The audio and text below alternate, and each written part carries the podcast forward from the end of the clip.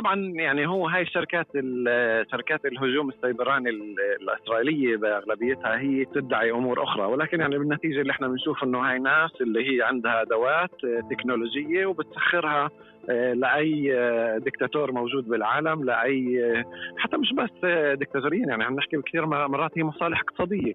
الموضوع بالنسبة اللي بتعلق بشاب مدينة أم الفحم. يتم اعتقاله في 28 11 2022 على مدار شهر كامل في اقضيه المخابرات. بمر برحلة تحقيق جدا طويلة وصعبة ومارس بحقه كل كل ممارسات التحقيق الصعبة. وفي نهاية المطاف يتم الإفراج عنه في قرار محكمي لعدم وجود أدلة لتقديم لائحة اتهام. ولكن بعد تقوم الجيش الإسرائيلي وليس المخابرات، الجيش يتدخل يوسع صلاحياته داخل مناطق 48 ويقوم بفرض أمر يسموه تحييد حركة هذا المواطن من مدينة أم الفحم. فصار في هناك كتير احتجاجات اللي أدت كمان لإثارة نقاش داخل مجموعات من أصول أفريقية بأمريكا إنه هل إحنا أصلا بدنا شرطة؟ كان في سنوات ينحكى على إعادة هيكلة الشرطة وبنائها وإنها تصير أحسن كل هاي الأمور. إذا بتزيد لها ميزانيات كانت تصير أحسن.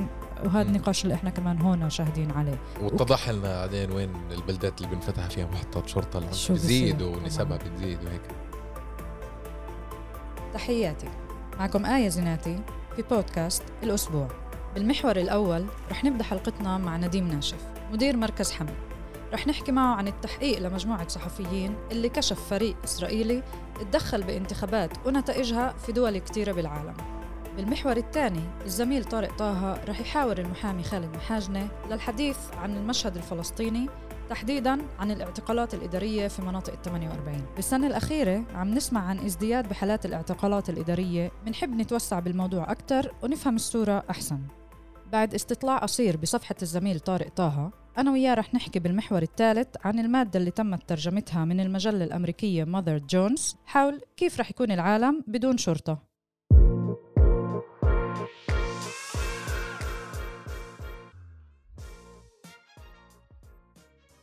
بهذا المحور رح نحكي مع نديم آه، ناشف المدير لمركز حملة آه، عن التحقيق آه، جديد لاتحاد صحفيين دوليين من عدة صحف اللي اكتشفوا وجود فريق إسرائيلي على ما يبدو مرتبط بوزارة الأمن وممكن لا بتدخل بالعديد من انتخابات لدول وبتلاعب بسير حملات هاي الانتخابات باستخدام القرصنة تخريب ومعلومات مضللة على وسائل التواصل الاجتماعي. مرحبا نديم. أهلا وسهلا. يعطيك العافية نديم تعرف كنت أحكي لآية هاي مشكلة اللي بنعانيش فيها بالوطن العربي عشان فيش انتخابات. يعني مش لازم نخاف إنه في فريق إسرائيلي يتدخل في نتائج الانتخابات.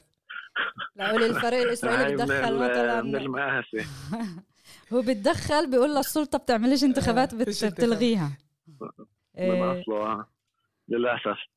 نعم هيك للحديث نديم بنفع هيك تحكي لنا أكثر عن هذا التقرير؟ آه، نعم بالواقع هو آه، زي ما ذكرت ائتلاف لمجموعة كبيرة من آه، وسائل الإعلام والصحفيين يعني الحديث عن تحقيق اللي نسقوه فوربيدن ستوريز مؤسسة فرنسية ولكن بمشاركة أكثر من 100 صحفي و30 وسيلة إعلام دولية. اللي عمليا راقبوا وفحصوا من وين مصدر التلاعب بالانتخابات اللي عم بصير بأكثر من 30 انتخابات. آه لفريق مسمى فريق خورخي آه اللي هو عمليا بأساسه في في مدعين زي ما بنعرف آه، مؤسسة أو شركة إسرائيلية. السؤال نديم هاي الدول غالبيتها دول أفريقية. سهولة التدخل بالانتخابات جاي بسبب إنه بنحكي على دول اللي فيش عندها أجهزة مخابرات قوية أو مؤسسات قوية ولا كانت ممكن تصير كمان في دول عالم أول دول أوروبية؟ إيه لا صحيح هي صارت يعني كمان بأمريكا. يعني الحديث مثلا إنه الروس تلاعبوا بالانتخابات عملوا تدخل بالانتخابات الامريكيه إيه، وقت ما فاز ترامب. والحديث كمان إنه كان في تدخلات بالاستفتاء على وقت البريكزيت في بريطانيا. فهو عمليا ال social media اليوم عم تعطي أكثر وأكثر إمكانيات للتدخل ولهندسه الوعي وللتلاعب ولبث الأخبار الكاذبة اللي من خلالها ممكن أنت آه، تلعب بالرأي العام وتوصله من محل لمحل فالشيء عم بصير كمان في دول آه، ناميه ولكن أيضا في كمان دول اللي محسوبة على الديمقراطية. هل عندهم أجندة بأي انتخابات يتدخلوا ولا بيشتغلوا مع الكل؟ لا أعتقد هاي الشركة اللي بدها تربح مصاري فهي مش فارقة معها. يعني ما في أي وازع أو مانع من ناحيتهم وين ما في مصاري وين ما في شغل عم بفوته إحنا بالسنين الأخيرة بنسمع على مصطلح ال bots هاي الحسابات ال fake الوهمية يعني هل يعني هذا إشي أصبح كإشي عادي بمواقع التواصل الاجتماعي وعن جد له درجة عنده قوة تأثر على الرأي العام؟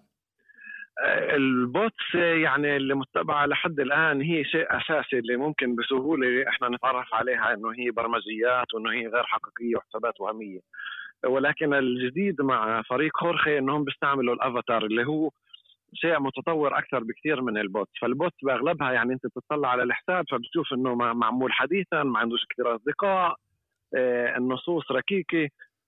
الحديث هنا انه هم طوروا تقنية اللي اسمها الأفاتار اللي هي عمليا سلسلة حسابات بشبكات التواصل الاجتماعي اللي بتبين إنها مبنية من زمان معمولة من زمان. عندها كثير أصحاب النصوص أكثر متمكنة آه، فيها صور فيها أكثر أشياء. فبالتالي في صعوبة إنك تعرف إنه هاي عن جد آه، profile آه، مزيف زي ما عادة بالبوتات وهنا بيجي تأثيرهم أقوى على على الرأي العام. يعني هم بيعملوا ايكوينج أو زي صدى لنفس الإدعاءات من آلاف الحسابات أو عشرات آلاف الحسابات اللي بتعيد على نفس الشيء فبتعطيه مصداقية. وطبعا بتأثر على الرأي العام من خلال هذا الحر... من هاي الحركة. أنا هو كنت بالضبط جاي أسألك كيف بنميز حسابات مزيفة؟ وأنت هلأ عمليا شرحت الفرق. فهلأ أصعب نميز الحسابات المزيفة؟ آه صار أصعب لأنه التكنولوجيا عم تتطور أكثر وأكثر يعني وفي طبعا يعني شركات ومؤسسات اللي تتخصص بحرب عكسية إنها كيف تتعرف على هاي الأشياء وأتخيل راح يطوروا ادوات أدوات. يعني مثلا إحنا كانوا يقولوا دائما نطلع وين هذا الحساب انعمل قديش عنده أصدقاء آه، هل في تفاعل وملاحظات شخصية من أصدقاء من عائله لهذا الحساب؟ كلها هاي عوامل آه، اللي يعني أنت من خلالها اليوم بتعرف إذا هذا الحساب يعني هو آه، وهمي ولا لا. ولكن زي ما حكينا إنه اليوم هاي الشركات يعني هي سوفيستيكيتد ومتطورة أكثر وعم تعمل أشياء اللي بتصعب علينا نوصل لهاي المعرفة. أعتقد إنه الخبراء رح يطوروا أدوات حتى نتمكن من معرفتها يعني حتى لو بأخذ الإشي شوية وقت. بالتقرير هم كمان أشاروا أنه في واحدة من خدمات الفريق الأساسية هي خدمة برامج متطورة AIMS فهل هل إحنا مطلعين على هاي الحزمة أو شو بنعرف عنها؟ يعني الفرق بين فريق خورخي وبين أشياء يعني كل الأشياء اللي فريق خورخي عملها هي بكثير كانت من قبل تستعمل يعني. إحنا بنحكي على spyware زي مثلا آه، آه، يعني برمجيات تجسس بنحكي على على ال bot أو الأفاتار اللي هم طوروه وبنحكي على آه، كل موضوع نشر أخبار كاذبة hacking لحسابات آه، آه، تسريب معلومات هي كلها أشياء اللي يعني اجهزه مخابرات بالعالم عم تستعملها كل الوقت أو حتى شركات خاصة. التخصص هون إنه عم بيستعملوها كلها مع بعض بطريقة مهندسة أكثر وبطريقة متطورة أكثر وأعمق فبالتالي النتيجة هي أقوى. هاي التخصص تبع فريق خورخي وعشان هيك هم يعني كمان يعني خطرين أكثر من شركات سابقة أو أجهزة مخابرات سابقة اللي حاولت تلعب بنتائج الانتخابات يعني أنت تخيل انه هم عندهم أهداف عندهم ادعاءات مثلا argument اللي بيعيدوا عليها وبيستعملوا كل هاي الوسائل بطريقة يعني أكثر استراتيجية وأكثر مركزة. اللي بفهم منك عمليا الجماعة عندهم business model أخذوا عدة برامج شبكوها مع بعض مع campaign صح مع spyware وبنوا الشركة بدون هدف إيديولوجي بدون هدف سياسي يعني للمصاري حتى إذا بجيب لزراعة فوضى في العالم. صحيح صحيح. طبعا يعني هو هاي الشركات شركات الهجوم السيبراني الإسرائيلية بأغلبيتها هي آه، يعني بتدعي أمور أخرى. ولكن يعني بالنتيجة اللي إحنا بنشوف إنه هاي ناس اللي هي عندها أدوات آه، تكنولوجية وبتسخرها لأي دكتاتور موجود بالعالم لأي حتى مش بس دكتاتوريين يعني عم نحكي كثير مرات هي مصالح اقتصادية. مجرد إنه يعني واحد من الزباين اللي كانوا عندهم شركة كريبتو اللي بدها كان إنه الاتحاد الأوروبي صادق على قوانين معينة فكانوا عاملين campaign موجه بهذا الاتجاه. فهي مرات ممكن تكون مصالح اقتصادية مرات مصالح سياسية حسب مين الزبون ومين اللي بدفع مصاري. نديم كانت واحدة من الحقائق اللي انتشرت إنه بال 2014 هم نشروا أخبار مزيفة حول واحد من الأحزاب الكتالونيين في إسبانيا. طب شو الاحتمال إنه هذا الشغل بنعمل عنا كمان؟ بالبلاد يعني. هو أكيد بنعمل عندنا بالبلاد. يعني مثلا بالانتخابات الإسرائيلية نتنياهو كان كل معركة انتخابات يشغل بوتيم اللي يعني تعمل صدى للادعاءات تبعته لنجاحه للليكود وما إلى ذلك. ولكن يعني هو الأعمق من هيك إنه إحنا عمليا كل هاي الصناعة الأمنية التكنولوجية اللي موجوده في, في, في إسرائيل والشركات الإسرائيلية كلها مصدرها من الجيش الإسرائيلي ومن المؤسسة الأمنية الإسرائيلية. والمؤسسة الأمنية الإسرائيلية طبعا كل تجاربها وكل تكنولوجيا وتجاربها علينا علينا كفلسطينيين. يعني إحنا بنعرف مثلا أن أس أو وبيجاسوس هم يعني بدايتهم كانوا من خلال تجاربهم بوحدة 8200 وتجارب على الفلسطينيين. بنعرف مثلا هسه في تكنولوجيا آخر تكنولوجيا اللي انعملت على يعني محافظة الخليل هي ما يسمى بال Blue Wolf اللي عمليا من خلال تصوير الناس. يعني كمان facial recognition يعني تكنولوجيا تعرف على الوجه. وكمان مم. يعني security classification بدمجوهن مع بعض يعني تصنيف أمني. هل هذا الشخص بعد ما يصوروه لازم يقطع الحاجز ولا لازم يعتقلوه ولا لازم يوقفوا له تحقيق ما إلى ذلك؟ فكل هاي التكنولوجيا هي عم تنبنى من خلال المؤسسة العسكرية. ولاحقا هاي الأشخاص بيطلعوا من المؤسسة العسكرية بيبنوا شركات ناشئة بياخذوا استثمارات بغالبيتها مصاري أمريكانية. وببيعوا كل هاي التكنولوجيا اللي هم وبقولوا إحنا جربناها على الفلسطينيين يعني جزء من التسويق وال marketing تبعهم إنه هاي تكنولوجيا مجربة يعني وبيبيعوها لكل جهة اللي بتدفع. صحيح هذا أنت كمان أخذتني كنت مسجلة أنا سؤال بس هلأ بطل في حاجة أسألك اياه لأنك جاوبت عنه. بس هو بالضبط إنه إسرائيل تنعد كأنه قوية بالسلاح الحربي عسكري بتجربوا علينا وهيك هي أصلا بتتفاخر بقديش هو فتاك وقديش هو قوي وبتيجي دول على المعارض اللي بتكون. وبتشتري السلاح بناء على إنه تم تجربة هذا السلاح. فإنت هلأ كمان يعني أكدت على إنه برضه السلاح التكنولوجي الرقمي بتجرب علينا كفلسطينيين وهي بتكون وسيلة تسويقه. صحيح صحيح. وهي يعني جزء من المأساة إنه الاحتلال الاحتلال مربح بالنسبة لهم آه وجزء كبير كمان من الاقتصاد الإسرائيلي ومدخولات الحكومة الإسرائيلية هي من ضرائب من هاي الشركات ومن بيع أسلحة. وعلى مدار يعني سنوات وعقود كان مرات يعني تكون أسلحة اللي هي أسلحة التقليديه زي ما بنعرفها.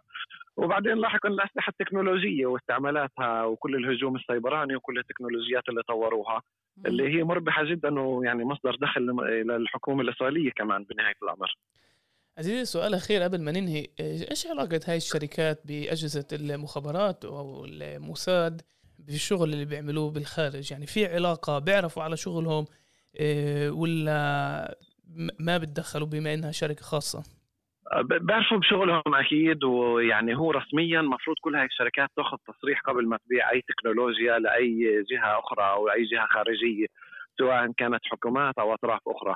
أعتقد في الهوامش بجوز بصير حالات اللي هم ما بيأخذوا تصريح بس بغالبية الساحقة آه، لهي الشركات هي يعني في دائرة خاصة موجودة بوزارة الأمن الإسرائيلية اللي وظيفتها تعطي تصريح. وواحدة من الأشهر الحالات كانت لما شركة اناسو باعت تكنولوجيا بيجاسوس للسعودية. هو كان بامر من نتنياهو يعني كان بموافقة نتنياهو مش بتشجيعه كمان كجزء من عملية التطبيع مع السعودية وكجزء من تقريب العلاقات مع السعودية. فبالتالي يعني الجهاز السياسي والأمني آه، وهاي الشركات كله متداخل مع بعضه طب يعني هيك سؤال إذا كمان أنا بدي انضم كانه للاختتام الهاي هيك إشي قديش ممكن يعني بيورط إسرائيل ولا بيقوي إسرائيل؟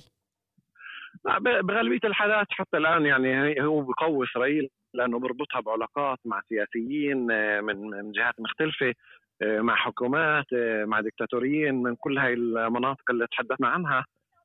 يعني هم بصيروا يتقربوا لهم بصيروا يعني يطوروا مصالح. وبحالة السعودية والإمارات إحنا بنعرف إنه كل الوقت في تعاون بهذا الجانب. ومعناه شو بدنا نعمل بالتقرير؟ فهمنا إنه كان تقرير كشف كل هاد. يعني يعني هل في آه، يعني هاي الشرطة بتحقق هاي الانتربول بتدخل ال FBI بما إن إحنا بنحكي على جرائم آه، على مستوى عالمي ولا بتطبوش بالإسرائيليين؟ آه، لا للأسف يعني في يعني أقل بكثير مما إيش لازم من ناحية المحاسبة والمساءلة بهذا الجانب يعني مؤخرا هو عمليا يعني على المستوى الأمريكي يعني معروف إنه ما في كثير تشريعات وقوانين لصناعة التجسس بأمريكا طالما الإشي مش ماسسهم يعني ما بتدخلوش. الاتحاد الأوروبي شوي يعني يختلف توجهه. إحنا بنعرف إنه في لجنة تحقيق آه، شغالة في بالبرلمان الأوروبي على موضوع التجسس وعم بتبنوا خط اللي هو يكون أكثر تشريعات فعالة اللي تنظم كل هذا القطاع وتمنع يعني كمان التجسس وتحمي خصوصية المواطنين في الاتحاد الأوروبي. وإحنا بنعرف إنه الخطوات اللي عاده الاتحاد الاوروبي بيعملها بتأثر على العالم. يعني زي مثلا نظام ال GDPR لما عملوه أثر كثير على آه، سياسات الشركات يعني حتى خارج الاتحاد الأوروبي.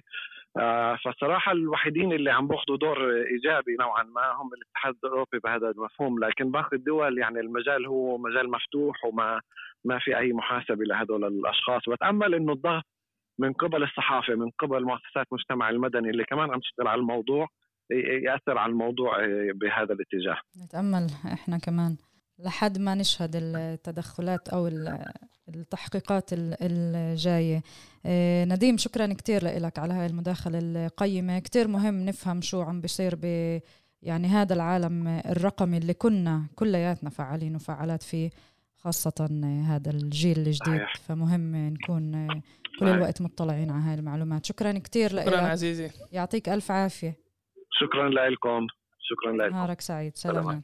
تعرفي آية دائما كنا نحس إحنا كفلسطينيين إنه هاي الدولة بتزرع شر. شو كل ما بمرق وقت أكثر بفهم. مش بس تزرع شر عند الفلسطينيين وعند العرب تزرع شر كل محل. هم بروحوا الجماعة بيزرعوا شر بيبيعوا سلاح بيتجسسوا بيخربوا معارك انتخابية. أشك... أنت فاهم قديش الاحتلال مربح بدرجات كيف بدهم يتنازلوا على هيك شيء للأسف. wow. طيب بتعرف أنا بس هيك هو نديم يحكي كل الوقت أحيانا مرات تعرف لما حد بيعمل لك friend request تكون شاكك. آه. قول يلا بتطلع بس بعدين بتفوتي بتلاقي فيش حدا يعني بتلاقي ولا post ولا لا بس في مرات كمان بتكون حسابات بتكون ضايفة كل الناشطين الفلسطينيين مثلا أو هو ضايف. والحساب من زمان. م. تكون شاكك بأمره بعدين بتصير بتقول لا يمكن تمام. بس هلأ حسب شو بيحكي نديم يعني أحسن ما نقبلش لا يعني شوف إحنا بس هلأ نازلين نوع على ال bots بس هو بقول لك لا في شيء أجدد في شيء اسمه أفاتار انه بتحس إنه بتحكي مع بني آدم. إيه ومع كل تطورات التشات جي تي بي آه ممكن تحكي معه آه. ويكون bot يكون أفاتار. وهذا بيجيبنا إنه نكون حذرين على اللي بنسويه بال بالعالم الرقمي. كثير مهم كثير مهم.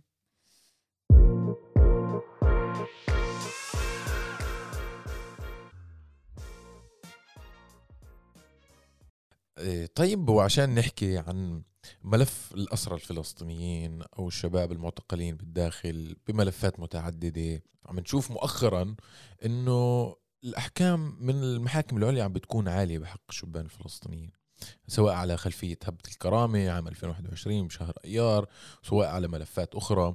عم نشوف في عدائية آه، واضحة. ومن حديث لإلي مع آه، المحامي المدافع عن حقوق الأسرى والشبان الفلسطينيين خالد محاجني آه، قبل ما نسجل هاي الحلقة معاه كان بالأساس إنه الشغل عم بيكون متعب عم كمان بيكون آه، عم كمان مرهق كمان للأهالي وكمان للشبان وكمان للعاملين بهذا الحقل. عشان نسمع أكثر بداية عن شو الأمر الواقع تبع هاي الملفات اليوم وين صارت بالتداول كيف عم بيتم التعامل معها راح نحكي مع خالد ونسمع منه أكثر. مرحبا خالد. أهلا طارق. أهلا فيك يعطيك العافية. الله يعافيك ويزيدك. يعني مؤخرا آه، مش عن جد عندك كثير وقت تكون مرتاح. كان في عندك كثير شغل كثير ضغط آه، كثير أمور الملفات اللي تعاملت معها. احكي لنا بالبداية بالصورة العامة عندك. شو وضع الملفات مع الشبان المحاكم؟ يعني هيك من وقت هبة الكرامة وأنا وباقي زملاء محامين اللي بيشتغلوا بهذا المجال مجال الدفاع عن حقوق الأسرى والمعتقلين والملفات السياسية بنعرفها عم نعيش فترة من وقتها فترة كثير صعبة من ناحية الوقت من ناحية ضغط الملفات من ناحية كمية الملفات كمية الاعتقالات المستمرة من من هذاك الوقت لعند اليوم. والمعارك اللي بنواجهها يوميا مع جهاز المخابرات الاسرائيلي بالمحاكم مع النيابه العامه وكلياته المعركة الأكبر بتكون أمام المحاكم. فمن هذاك الوقت لعند اليوم إحنا عم نعيش جو جديد جو مغاير عن اللي تعودنا عليه بالسابق ومن دفاعنا آه، في الملفات السياسية. ومبين إحنا فايتين على مرحلة أصعب من فترة هبة الهبة اللي كانت آه، مع حلول شهر رمضان المبارك اللي جاي علينا بالفترة القريبة. عمليا اليوم تقريبا كل يوم تقريبا في بالمحاكم الاسرائيليه آه، يتم التداول في ملفات تتعلق في ملفات سياسية بما يخص من هبة الكرامة وبعدها واعتقالات مستمرة على شبهات آه، يعني كثير صعبة. والشيء الملفت إنه تقريبا بالبلاد العربية بتلاقي اليوم كمية المعتقلين على خلفيات سياسية ملفات بما تعرف حسب القانون الإسرائيلي ملفات أمنية يعني كم هائل عم تتداول في الملفات. ف يعني من ناحيتنا إحنا كمحامين نشتغل بهذا المجال واخترنا نشتغل بهذا المجال عن قناعة اولا وثانيا من أهداف وطنية وإنسانية إيه، مش عم نرتاح. فما دام في هيك مؤسسة فالظاهر إحنا مش عم مش رايحين نرتاح مش رايحين نقدر نرتاح بشيء يوم من الأيام في مواصلة دفاعنا عن عن هاي الناس وعن هاي المعتقلين.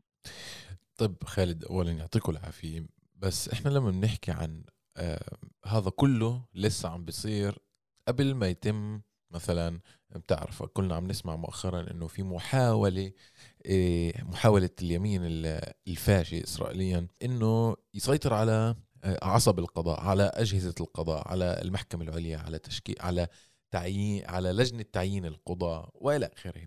هذا كله عم بصير قبل ما يتم آه، أو قبل ما تتم عملية الانقلاب على القضاء الانقلاب بين ازدواج.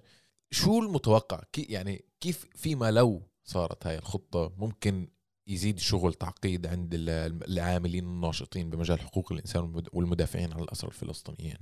فيما يتعلق في التغييرات اللي عم بتصير ومحاولة عمليا آه، الحكومة الإسرائيلية الجديدة يعني بالسيطرة على آه، جهاز القضاء الإسرائيلي بالذات على محكمة بما تسمى محكمة العدل العليا إحنا عمليا باعتباري أنا بنظري إحنا مهمشين عن هاي عن هاي النقطة.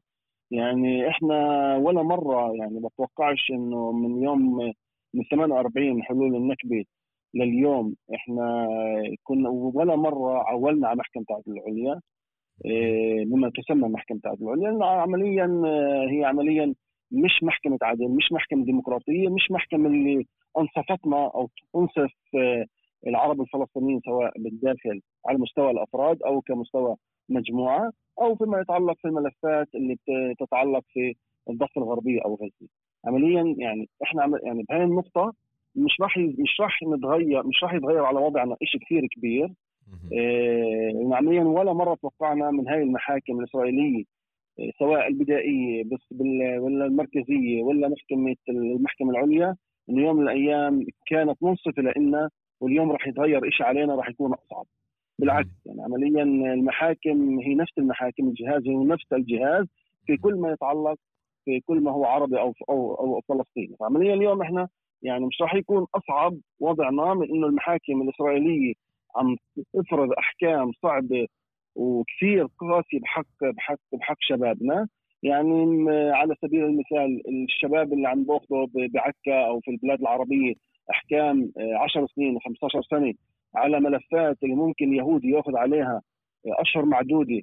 آه، يعني شو بده يكون اصعب من يعني كيف بده يكون شو مش راح يكون أصعب من هيك المحكمه المحكمة العليا؟ إنه يعني الحكم بده يزيد كمان. آه، سنتين أو ثلاث سنين مش هالشيء بالاعتبار يعني الموضوع مش موضوع يعني راح يأثر علينا كثير. ولكن يعني اللي عم بصير بالذات في في موضوع آه، يعني عم الحكومة الإسرائيلية واليمين الإسرائيلي يتدخل في في في تعيين القضاة الإسرائيليين يعني عمليا إحنا باعتبار نعتبر إحنا آه، في هذا المجال إنه كل القضاة في المحاكم الإسرائيلية هم هم مسيسين هم عمليا آه، بالنسبة لي اداه بيد المخابرات الإسرائيلية فيما يتعلق في الملفات السياسية ولكن هناك بعض القضاة الإسرائيليين ممكن يكونوا شوي معتدلين نوعا ما في بعض الملفات ولكن مع آه، مع الجو الجديد اللي عم نعيشه ومع آه، عمليا تغيير هذه تغيير تركيبه تعيين القضاة اللي راح تكون يعني كل القضاة راح يعينوا في المحاكم الإسرائيلية هم آه، من اليمين الإسرائيلي اليمين المتطرف اللي ممكن يأثر علينا كثير وممكن يضايقنا أكثر ويشد الخناق علينا أكثر كأفراد وكمجتمع آه، فلسطيني عايش. طيب. عاملين عم شوف يعني خالد يعني إحنا أنت بتحكي لي مثلا إنه المخابرات يعني هي يعني توجيهات المخابرات أحيانا بتكون مسيطرة على توجيهات أو على ممارسات وتصرفات القضاة. فإحنا عمليا نقدر نستشف من هذا الحديث إنه حتى فيما لو تم هذا الانقلاب وتم تعيين كل القضاة على يد اليمين مثلا على سبيل المثال بالتالي مساحة العمل تبعتهم نفسها مساحة العمل اللي كانت قائمة قبل لأنه بالحالتين الشباك هو الموجه آه، لأحكام القضاء بخصوص مثلا الفلسطينيين بملفات متعددة. صحيح يعني إحنا عم نواجهها اليوم تكريه بشكل يومي يعني على سبيل المثال آه، بحال مثلا في ملف معين على سبيل المثال بعطيك. قامت المحكمة بالإفراج عن معتقل معين بعدم وجود شبهات شبهات أو أدلة ممكن المخابرات أن تكون بالالتواء والالتفاف على أقرار المحكمة بالإفراج في حال في حال حدث شيء من النوع ممكن أن تتوجه للمحكمة في قرار أمر آخر أو يكون الضغط على المحكمة. باعتقاله أو بتمديد اعتقاله بأوامر إدارية أو أو تحييد الحركة تبعت تبعت الشخص المعين. إنه في ملفات يعني سرية. مثلا. في ملفات سرية. عمليا يعني إحنا في الملفات الملفات السياسية يعني دائما إيش بدها المخابرات المحكمة؟ بتاخذ على الأقل في تمديد اعتقال الأيام. يعني بهاي شيء بديهي شيء نواجهه تقريبا كل يوم الحاكم ما فيش عنده آه، رأي في الملفات هاي فعمليا بيجي المخابرات أو ضابط المخابرات أو مندوب المخابرات على المحكمة بطلب تمديد معين لأسباب بتكون كثير كثير كثير كثير تافهة ولكن الحاكم بالنهاية المطاف هو يرضخ لجهاز الأمن العام لأنه عمليا في النهاية يعني يتم تعيين القضاء الاسرائيليين حسب معلوماتي وباعتقادي موافقة بالنهاية موافقة يعني أجهزة الأمن الإسرائيلية يعني لا يعقل أن يتم تعيين آه، حاكم عربي آه، على سبيل المثال في المحاكم الإسرائيلية ويكون عمليا له آه، مواقف أخلاقية أو خلفية وطنية أو كل هاي الأمور. ولكن يعني بالنهاية كل كل شيء بده يمرق من تحت إيديهم كيف كيف ما بيحكوا وبموافقة موافقه المخابرات. عمليا هذا بيأثر بيأثر على طبيعة عمل عمل القضاء في المحاكم الاسرائيليه وعلى طبيعة الأحكام. فهذا ما واجهناه في هبة الكرامة. يعني إحنا بنأخذ هبة الكرامة كمثال لأنه مثال حي اللي عم نعيشه عشناه من سنة 2021 وعم نعيشه بشكل تقريبا يومي حتى يومنا هاي في المحاكم في الملفات في بداية الأمر الأحكام التي فرضت على الشباب كانت أحكام يعني معقولة ممكن استيعابها. ولكن آه، بين بين ليله وضحاها تم تغيير المعادلة وقامت المحاكم بفرض أحكام آه، جدا صعبة على على الشبان. ويعني لم نتوقعها ابدا يعني. إحنا ما توقعنا كمحامين. يتم محاكمة شبان بفرض عليهم أحكام يعني هالقد 10 و15 15 عام اعتقال والحبل على الجرار يعني ملفات بعدها متداولة عند اليوم. متداولة. والله يستر. طيب إيه خالد شوف يعني شفنا كمان مؤخرا إنه يعني تم فرض أمر اعتقال اداري على شاب من أم الفحم سمير جبارين. يعني هي سياسة مش جديدة يعني سياسة قائمة من سنوات اللي كمان بتستهدف بالغالب الأعم تستهدف شبان من الضفة الغربية ومن القدس وبين الحين والآخر كمان شبان من الداخل. إيش يعني بهذا الملف خصوصا يعني شو جديد؟ يعني في في جديد ولا ما, ما في علاقة للأمر الواقع تبع الممارسة القضائية؟ يعني عمليا هيك يعني آخر مرة إسرائيل آه، أو المؤسسة الإسرائيلية والمخابرات الإسرائيلية استعملت أوامر اعتقالات إدارية بحق بحق الداخل الفلسطيني وابناء الداخل الفلسطيني كانت على ما أعتقد في نهاية الثمانينات. نهاية آخر مرة آه، كان استعمالها بشكل دائم ضد ضد نشطاء آه، من حركات من حركات سياسية وطنية. ولكن بآخر كم من سنة عادت هاي السياسة لارض الواقع وبدأت المؤسسة الإسرائيلية المخابرات الاسرائيليه بفرض أوامر اعتقالات إدارية بحق كل إنسان يتم اعتقاله. في نهاية المطاف لم يثبت إدانته أو لم تكون هناك أدلة كافية لتقديم لوائح اتهام ومحاكمته. ولكن المخابرات مصممة إنه هذا الإنسان آه هذا هذا الإنسان ممكن أن يشكل خطر باعتقادهم على على المجتمع وعلى أمن أمن أمن إسرائيل فتقوم بال بال بال بالالتواء على على على على أمر الافراج على سبيل المثال وتقوم بإصدار أوامر اعتقالات إدارية. عمليا هذا الاعتقال الإداري بشكل يومي يتم استعماله في داخل الضفة الغربية والقدس تحديدا. يعني وجديد عادت هذه السياسة إلى داخل إلى داخل إلى داخل 48 طيب وخالد؟ عمليا هذا هذا إجراء جدا صعب بحق. يعني عمليا نتحدث بال بال بال بالعنوان الكبير. نتحدث عن يعني عمليا إحنا هون ساكنين هون آه، الناس اللي ممكن حسب يعني المجتمع الدولي يقول طب هذول الناس ساكنين عاملين هوية بين أقوال بين اقواس الإسرائيلية مواطنين. فكيف يتم إصدار أوامر اعتقالات إدارية من آه، حسب بنود كانت تستعملها إسرائيل من من, من أيام الانتداب من أيام الانتداب وحق مواطنيها.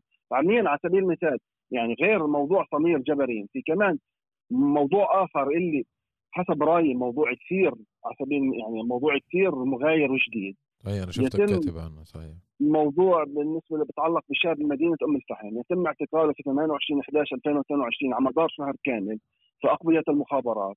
بمر برحلة تحقيق جدا طويلة وصعبة ومارس بحقه كل كل ممارسات التحقيق الصعبة والأساليب السيئة. وفي نهاية المطاف يتم الإفراج عنه في قرار محكمة لعدم وجود أدلة لتقديم لائحة اتهام. ولكن بعد أسبوعين من الإفراج عنه تقوم المخابرات تقوم الجيش الإسرائيلي وليس المخابرات، الجيش يتدخل يوسع صلاحياته داخل مناطق 48 ويقوم بفرض أمر يسموه يسموه تحييد تحييد حركة هذا المواطن.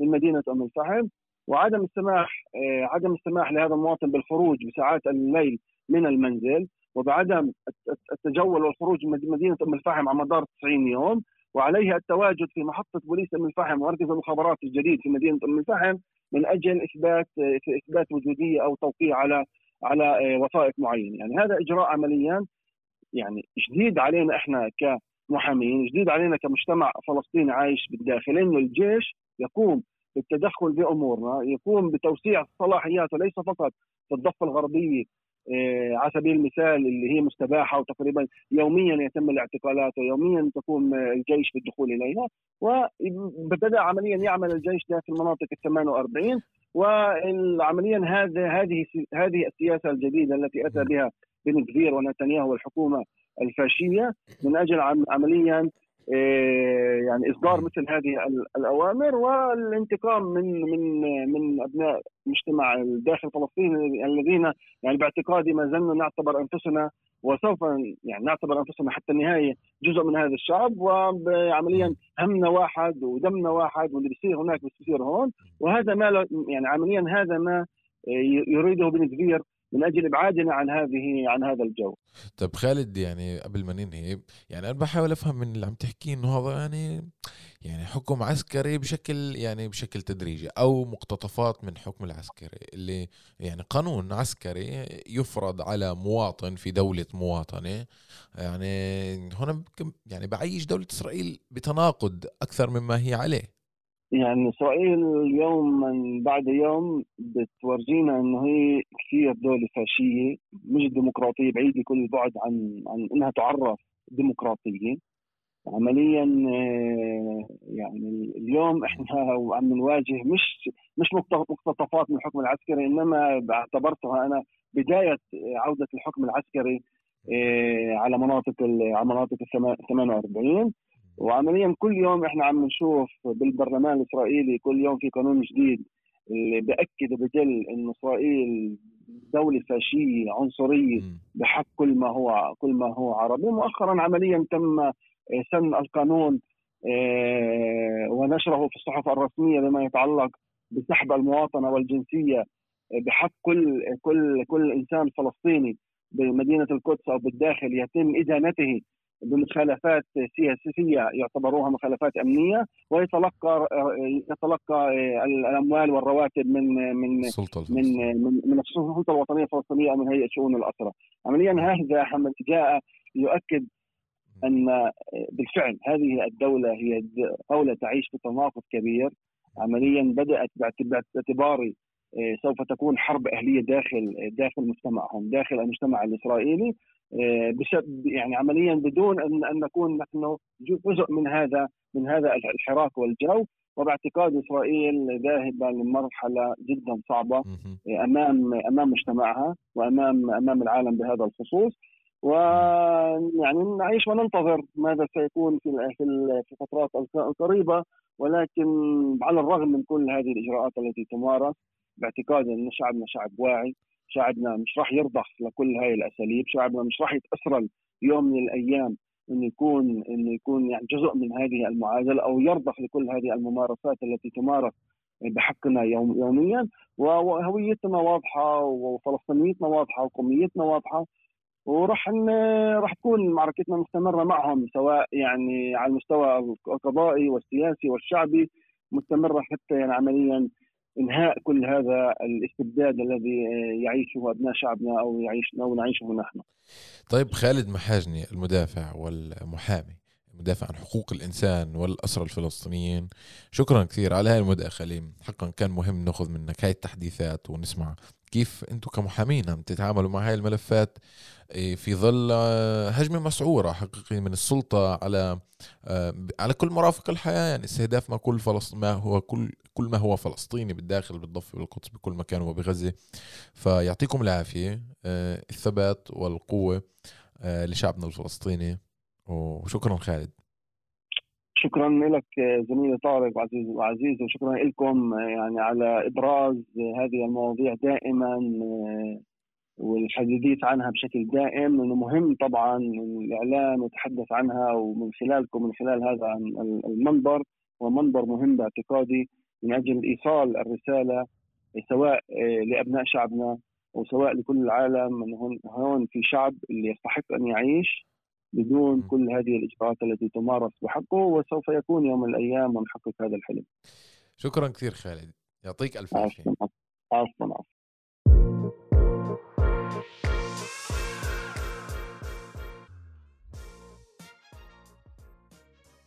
مرحبا طارق. أهلا أهلا آية. طارق أنت قبل يومين حطيت على صفحتك إنه أي مواضيع بتحبوا إنه نطرحها. ونشارك فيها. بالبودكاست. بالبودكاست طبعا. الاخذ الأغلبية الموضوع الأغلبية كان إنه كيف سيبدو العالم من دون الشرطة؟ هلا انت أنت بس تفكر بالإشي. أول ما تسمع هذا السؤال إيش اللي بخطر على بالك؟ يعني بالضبط يعني بخطر ببالك طبعا قانون الغاب بمعنى إنه القوي يأكل الضعيف أو آه وما شابه من هيك قصص. بس بصراحة الأربع مقترحات اللي كنت مقترحهم بالإنستغرام مهم نشير إنه هاي مواد اللي ترجمت بتصرف خاص من موقع عرب 48 وموجودة بزاوية ترجمان المواد الأربعة المقترحة فننصح اللي عم بيسمعونا إنه فعلا يفوتوا يقرأوهن للمواد بالإضافة للي عم بيسمعنا. كيف سيبدو العالم بدون شرطة؟ مادة لافتة بسبب إنه مرات تصير تسأل حالك أسئلة جوهرية إنه إذا الشرطة هي شرط وجودها هو توفير الأمان للناس م. طب ليش الناس بتشكو من الشرطة بكثير محلات من العالم؟ بذهننا وفكرنا إنه يكون الجهة عن جد منظمة فيش فيها فساد ولكن الحقيقة غير ذلك. الحقيقة يعني آه إنه هي غير ذلك لسبب إنه يعني كمان مرة الشرطة هي تعالج يعني إذا بدها تعالج العنف بتعالجه بعنف. يعني أداة الشرطة من أجل إحقاق الاستقرار بين ازدواج هي استخدام العنف. يعني إذا بكون في مظاهرة عنيفة تحتاج على السلطة الشرطة تقمعها من أجل إحقاق الاستقرار والدفاع عن السلم الأهلي مثلا تستخدم العنف مثلا. بس هل فعلا المظاهرة بتكون عنيفة؟ مش بالضرورة. يعني الشرطة ب... يعني إذا كانت المظاهرة فيها مواجهات أو المظاهرة طالعة تعبر عن نفسها بشكل يعني آه في مظاهرات تأخذ أشكال عنيفة. يعني العنف أحيانا هو جزء من يعني شكل من أشكال التعبير عن الحالات الإنسانية. يعني العنف هو جزء من إنسانيتنا كلياتنا. فالشرطة ممكن تعتبر إنه أي مظاهرة معينة هي عنيفة أو تحرض الاحتجاج إلى مثلا. آه, آه ف ممكن هيك. يعني بتقمع الاحتجاجات ب ب يعني بشكل عنيف. بس المهم مثلا اللي يعني اللي بيقرا هاي المادة بصير يقول لحاله طب ليش الشرطة لازم تستخدم العنف مقابل المتظاهرين مثلا إذا المتظاهرين طالعين يتظاهروا ضد قضية ما م. اللي بنفع معالجة القضية نفسها من غير اللجوء إلى العنف مثلا م. فهو الكاتب أو الكتاب والباحثين اللي تشاركوا بالمادة أو صاغوا آرائهم فيها آه بيحكوا إنه يعني إنه الشرطة يعني مش بالضرورة هي الملجأ أو الحل إلى القضايا ال- الماء مثلا. أنت اذهب إلى يعني جوهر القضية أو إلى جذورها. وعالجها. بالتالي مش بالضرورة أنت تستخدم الشرطة. فلما بيسالوا مثلا الكاتب إنه آه كاتب المقالة بيسالوه إنه كيف بدك أنت تلغي الشرطة؟ و... و... ويعني كيف ممكن يتخيل إنه الشرطة ما تكونش موجودة؟ إيه، إذا مثلا في حدا مدمن مخدرات وعم بشكل خطر على آه، على مجموعة من الناس. كيف بدناش كيف مش راح يكون شرطة يعني؟ فهو يعني بشكل بسيط بدي إيش أقول سطحي بس بشكل بسيط بقول إنه إنه ليش في مدمن مخدرات بالشارع؟ مم. مش ليش لازم مش مين لازم أتصل بعد ما يكون هيك حادث لا ليش في مدمن مخدرات ليش ما فيش دور رعاية معينة مم. وتمنع هيك حالات طبعا مش راح تمنع الحالات مية بالمية بس هو بحاجج بقول إنه الشرطة كجسم مم. هو ينظم العنف وينظم القوة فبالتالي يعني مش عن جد هو الحل للناس مم. فهو بيحكي كأنه عن وجود آه، أذرع أخرى اللي ممكن مم. كمان تمنع وجود حالات معينة اللي تمنع أصلا وجود مؤسسة أو جهاز الشرطة مم. هيك قصدك طارق؟ آه، هو يعني الكاتب هيك بدعي أو الكا- الكاتب آه، يعني كاتب هذا المقال كاتب هذا المقال آه، اللي هي آه. كاتبة آه، مراسلة صحفية يعني هو بقول لك الكتاب مجموعة مم. هي أصلا مستندة على يعني على أبحاث ما آه ف لأنه في مجموعة كتاب وباحثين اللي صاغوا وثيقة. حتى من سنوات الستينات بأمريكا اللي هن صاغوا فكرة آه فكرة يعني الوضع بلا شرطة مثلا. إيه فبكل الأحوال أنا بها يعني بهاي المادة ممكن نتطرق إلى إنه آه، مثل ما كثير طرقنا لهالموضوع للشرطة بخصوص الشرطة الإسرائيلية بحالتنا كفلسطينيين بالداخل على إنه أحيانا بتصير تقول يعني آه، عدم وجودها. قد يفيد أكثر من وجودها, من وجودها. وهذا هو السؤال كمان اللي في أع- يعني في أعقاب ليش ما هو انكتب يعني هذا المقال. آه، عشان نعطي كمان لمحة آه، انكتب بمجلة ماذر جونز مجلة أمريكية في أعقاب مقتل آه، جورج فلويد نعم على يد خنقه. على يد أفراد الشرطة فصار في هناك كتير احتجاجات. اللي أدت كمان لإثارة نقاش آه، داخل مجموعات آه، من أصول أفريقية بأمري بأمريكا إنه هل إحنا أصلا بدنا شرطة كان في سنوات ينحكى على إعادة آه، يعني هيكلة الشرطة وبنائها وإنها تصير أحسن كل هاي مم. الأمور إذا بتزيد لها ميزانيات آه، ممكن تصير أحسن وهذا. النقاش اللي إحنا كمان هون شاهدين عليه صحيح. واتضح لنا بعدين وين البلدات اللي بنفتح فيها محطات شرطة العنف طبعاً. ونسبها بتزيد وهيك. طارق عمليا إحنا بنحكي على مادة اللي انكتبت ما بعد آه، مقتل آه، جورج فلويد. في أمريكا من أصول أفريقية واللي فيها كان في كتير ما بعد قتله كتير احتجاجات.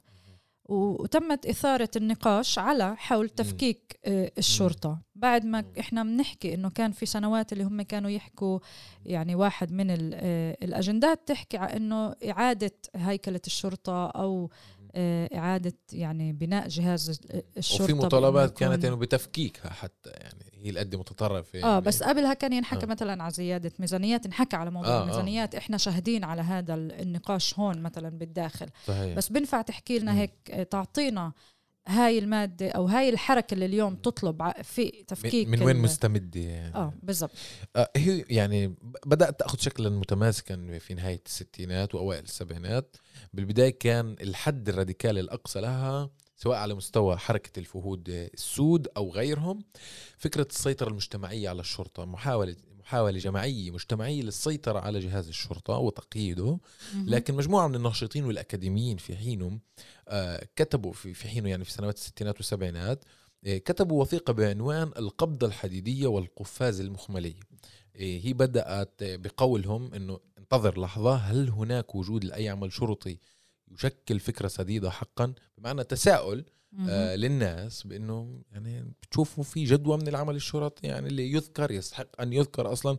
آه وعندما نفهم الطبيعة الجوهرية للعمل الشرطي حتى إذا ما خضع لسيطرة المجتمع فإنه يبقى عبارة عن مؤسسة حكومية مبنيه على استخدام العنف.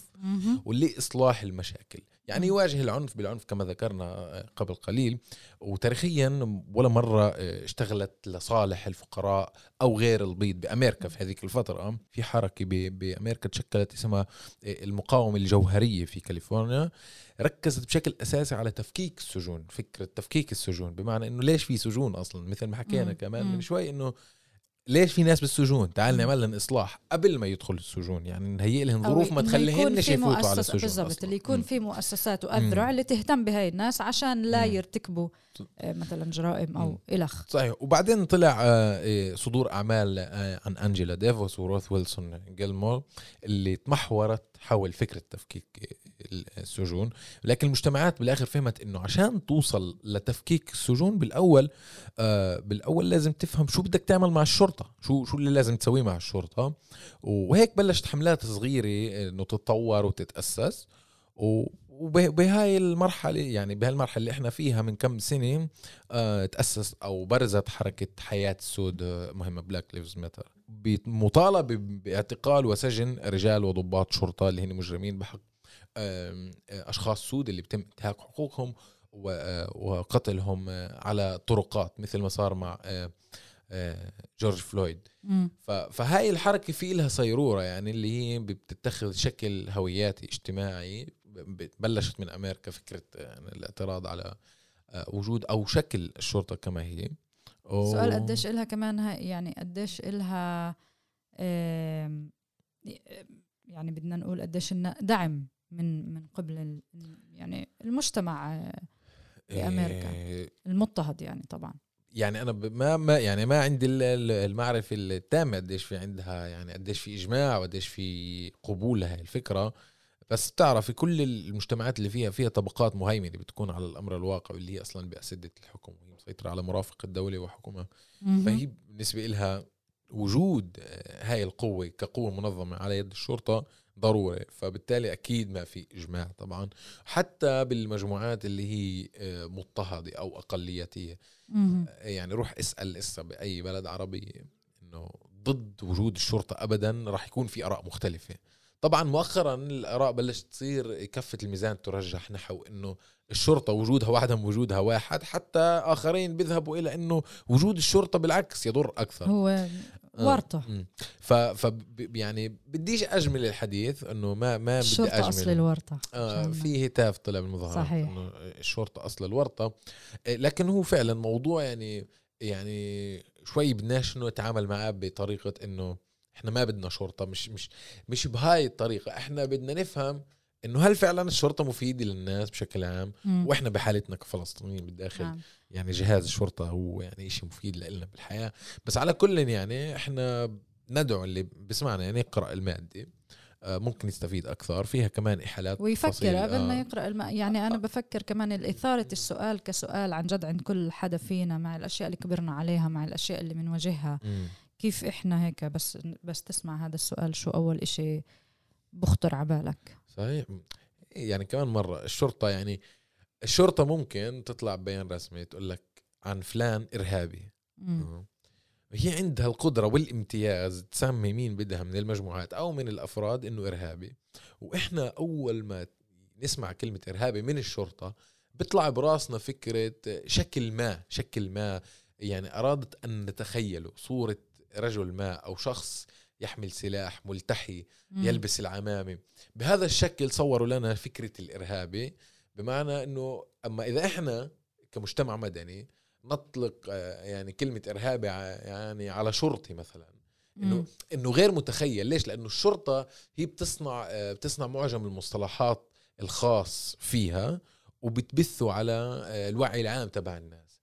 أما بمساعدة إعلام آه مثلا إنه شرطي إعلام. آه, آه طبعا بالاستناد على الإعلام وإلى آخره لكن إنه شرطي بزي رسمي يقتل آه شخص ما ما له علاقة حتى ما في سبب لقتله يعني أو الاعتراض لطريقه فقط إنه يمارس الامتياز تبعه كونه شرطي يلبس لباس رسمي يمارس وظيفته المهنية ت- مم. تقطير العنف وممارسته يقتل ولا يمكن ال- الإدعاء بأنه هذا إرهابي مثلا. بينما الشرطة نفسها آه، ممكن أن تدعي بأن فلانا إرهابي. إذا هيك بدنا نختتم الحوار ونشجع على قراءة آه، المادة كمان المترجمة وكمان ال- الأصلية.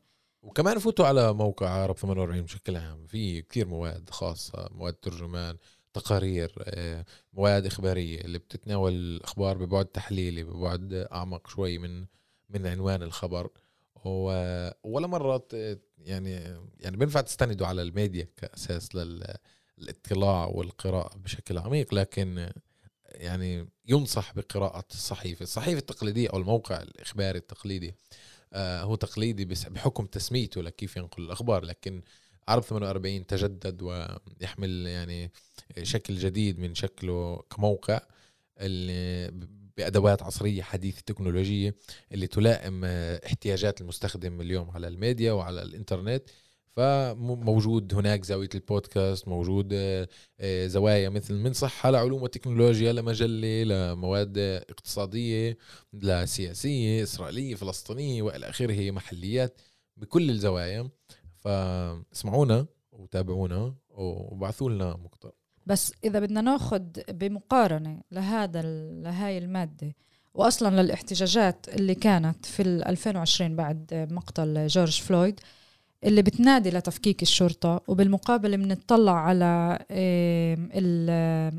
الخطاب اللي موجود هون حاليا واللي هو إن كان لما بنحكي على المخططات الحكومية وزيادة آه، الميزانيات للشرطة. فتح مراكز شرطة زي ما قلنا في بلداتنا العربية وفي تأييد يعني كبير وال والفا يعني الفرق الكبير والتناقض ما بين الخطابين إنه في خطاب بنادي أصلا لتفكيك شرطة وفي خطاب مثلا بيقول لك إنه عز الشرطة الشرطة مش عم تشتغل عشان هيك في عنا مثلا فوضى أو مش عم يعني مم. لإنها مش عم تشتغل مش عم تعمل شغلها وفيش. ملفات وكل هالأمور ال- الجريمة وفي عم آخرين بقول لك. أي إنه في جريمة لإنها. بتشتغل آه. يعني في جريمة لأنه الشرطة بتشتغل يعني في بيقول لك إنه مثلا الشرطة مثلا بتيجي مرة بتقولنا بتصريح عندنا بالمجتمع الفلسطيني بالداخل في جريمة وبيشتغل معه جهاز ال- الشبك. الشباك مم. فهيك تطلع على الخطابين وتحاول تفهم آه،. مش تحاول تفهم بس تطلع عليهم. مجرد تقرأ العناوين. مش آه. حاجة تفكر كثير لما من الشرطة بيطلعوا بيحكوا. إنه الشباك مطا... يعني إحنا غير قادرين بن... آه أنا بقتبسهم يعني إنه إحنا غير قادرين على مواجهة العنف والجريمه لأنه جهاز الأمن العام الشباك آه الإسرائيلي يعني بتعاون آه وثيق مع آه. مع عائلات الإجرام. فيعني وإحنا بنقدرش نفصل إنه الشباك هو جزء من أجهزة الشرطة من الأمن الداخلي. آه مش ف- بس من إنه كمان مثلا فكك الشرطة مقابل عزز عمل الشرطة إذا بتعزز عمل الشرطة ممكن الجريمة تخف آه، صحيح. يعني أو تنخفض فهاي وفي ال- وبالمرة اللي فيها الشرطه حاولت آه، آه، يعني آه، حاولت تعمل مطاردة لمجرمين عم بيطلقوا النار على ناس بطمره مثلا قبل سنتين. تم قتل آه، أحمد تم حجازي. استشهد أحمد حجازي طالب وطالب تمريض يعني وكان يدرس بس طلع يشوف شو في برا. آه، أصيب برصاصة من الشرطة. حتى لما بدها تمارس عملها بتقتل ناس يعني ما بدون علاقة ل مم. للأحداث اللي عم بتصير بالميدان. فكمان يعني هي لا مهني يعني لا مهنية ولا بوصلة أخلاقية. آه طبعا وكلنا يعني نعرف ذلك يعني أو على الأقل أنا إنه شرطة إسرائيل تعادي الفلسطينيين سواء بالداخل أو بالضفه أو بكل مكان يعني وبالقدس. ف مش عارف يعني إحنا بعرفش إحنا مع تفكيك الشرطة ضد تفكيك الشرطة هذا مش موقف اللي المفروض إحنا نأخذه طبعا يعني طبعا بس هي مادة نشجع آه، الناس على قراءة تقرأ المادة, المادة وتفك تتفكر فقط يعني بهاي المادة. طبعا على الآخر آه، يعطيك العافية الله طارق يعافيكي وبنلتقي بالحلقة الجاية. طيب أعزائنا المستمعين هيك بنكون وصلنا لنهاية حلقتنا من بودكاست الأسبوع في عرب 48 بدي اطلب منكم طلب اللي لسه ما عملناش متابعة على منصات البودكاست المختلفة Spotify Google Podcast Apple Podcast تنسوش تعملوا لنا متابعة. اسا اعملوا لنا متابعة كثير بيساعدنا. تنسوش تبعثوا لنا مقترحاتكم وملاحظاتكم على الحلقات السابقة وعلى مقترحات لحلقات قادمة. وللاسبوع القادم لقاء آخر. يعطيكم العافيه